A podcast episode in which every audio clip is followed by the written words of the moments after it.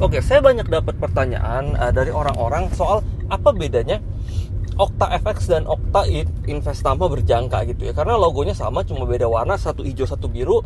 Dua-duanya sering muncul di iklan YouTube ya. Dua-duanya menggunakan influencer Indonesia.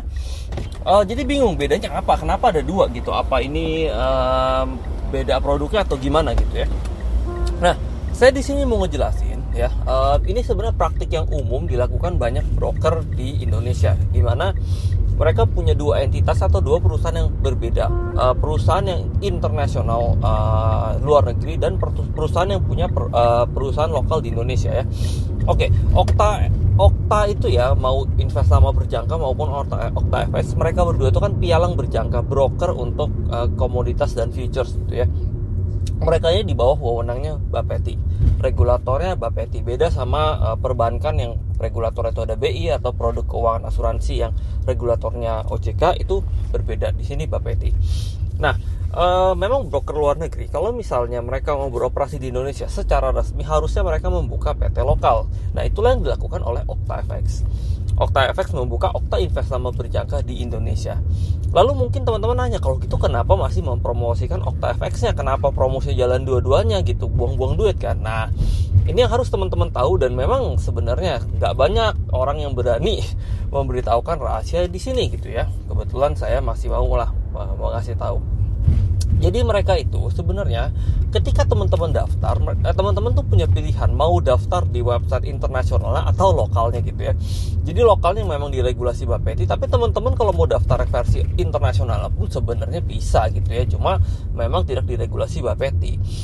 Ini praktik yang bukan cuma dilakukan OktaFX. Jadi jangan teman-teman bilang wah OktaFX mau nipu gitu segala macam. Enggak gitu ya. Memang banyak broker lokal yang punya uh, produk luar negeri. Kenapa? Karena jujur aja Bapeti punya regulasi itu agak stringent. Stringent itu apa ya bahasa Indonesia nya agak ketat dan tidak fleksibel. Sehingga uh, kita lot aja diatur minimal itu 0,1 sedangkan di internasional kita bisa temukan micro lot 0,01 gitu ya.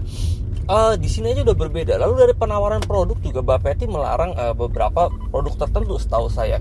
Dari segi biaya juga diatur. Nggak boleh di bawah nilai tertentu. Spread ya. Teman-teman bisa baca tulisan saya soal spread. Kalau nggak ngerti spread itu apa uh, jadi nggak boleh kasih cashback juga gitu. Jadi kalau teman-teman lihat uh, iklan cashback deposit FX itu kemungkinan besar ya entitas luar negerinya, entitas lokalnya nggak boleh ngasih-ngasih cashback. Jadi teman-teman bisa lihat sendiri, broker lokal itu diaturnya itu rese banget sehingga satu tidak menarik untuk kita calon pengguna, kedua untuk si uh, perusahaan broker sendiri nggak menguntungkan gitu karena biayanya jadi atur gitu. Belum lagi mungkin mungkin ada biaya yang dikenakan Bapepti gitu ya untuk setiap transaksi. Karena kan itu clearingnya kan lewat entitas lokal juga namanya ECDX Indonesia Indonesia Clearing Clearing House gitu ya.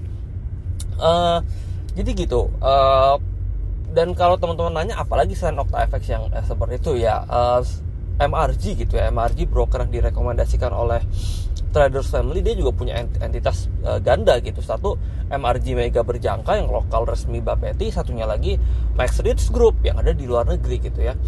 Uh, saya bisa kasih banyak contoh lah tapi saya rasa dua contoh itu sudah cukup mewakili FBS juga punya dua entitas lokal maupun entitas luar negeri gitu ya. Nah teman-teman di sini kalau nanya ke saya saya jadi saya harus pilih yang mana gitu. Uh, uh, menurut saya sih selera aja gitu ya. Bukan berarti kita register yang versi internasional lalu kita tuh ikut investasi bodong ya enggak. Entitas luar negerinya pun kalau kita selidiki kan sudah diregulasi di negaranya masing-masing atau di negara lain lah gitu. Meskipun kadang-kadang negaranya itu nggak jelas nah, namanya suka Vanuatu atau apa apa island lah negara-negara yang tempat untuk cuci duit gitu ya. Tapi kalau reputasi internasional memang bagus gitu ya kayak Okta ya nggak mungkin lah Okta nipu gitu. Dari beberapa negara dia user udah seberapa banyak. Nah kita berpikir kritis aja lah gitu. Nggak perlu takut kayak wah kita mau harusnya harusnya Okta invest sama berjangka nih karena uh, itu yang lokal diregulasi Bapeti. Nggak harus seperti itulah. Uh, seperti yang tadi saya udah bilang justru yang produk lokalnya itu lebih tidak komplit, lebih uh, lebih diatur gitu dari segi biaya lebih tidak kompetitif. Jadi kalau memang mau uh, sukanya yang internasional ya nggak apa-apa gitu, nggak bukan berarti itu investasi bodong. Nah, cuma yang saya kritik adalah sering kali nih kita ketika mendaftar, uh, ketika kita udah memilih kita mau yang lokal ya, kita nggak mau internasional, kita udah klik link yang lokal, tiba-tiba diem-diem itu dialihkan ke akun registrasi yang luar negeri gitu karena orang-orang nggak ngerti bedanya apa nih. Oh sama-sama ini namanya sama gitu ya mungkin ini sama aja gitu. Nah ini yang saya uh, kurang kurang uh, kurang kurang kurang suka gitu ya praktik-praktik seperti ini gitu ya.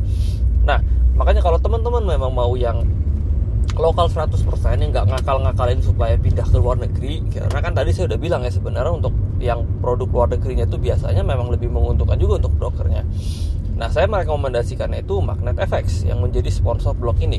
Karena memang Magnet FX tidak punya entitas luar negeri, 100% beroperasi Indonesia aja gitu ya. Kita nggak punya halaman untuk produk internasional karena memang nggak ada. Jadi kalau teman-teman register ya udah kedaftar ke Indonesia gitu ya. Nah, sekian yang bisa saya sampaikan. Semoga mencerahkan. Terima kasih.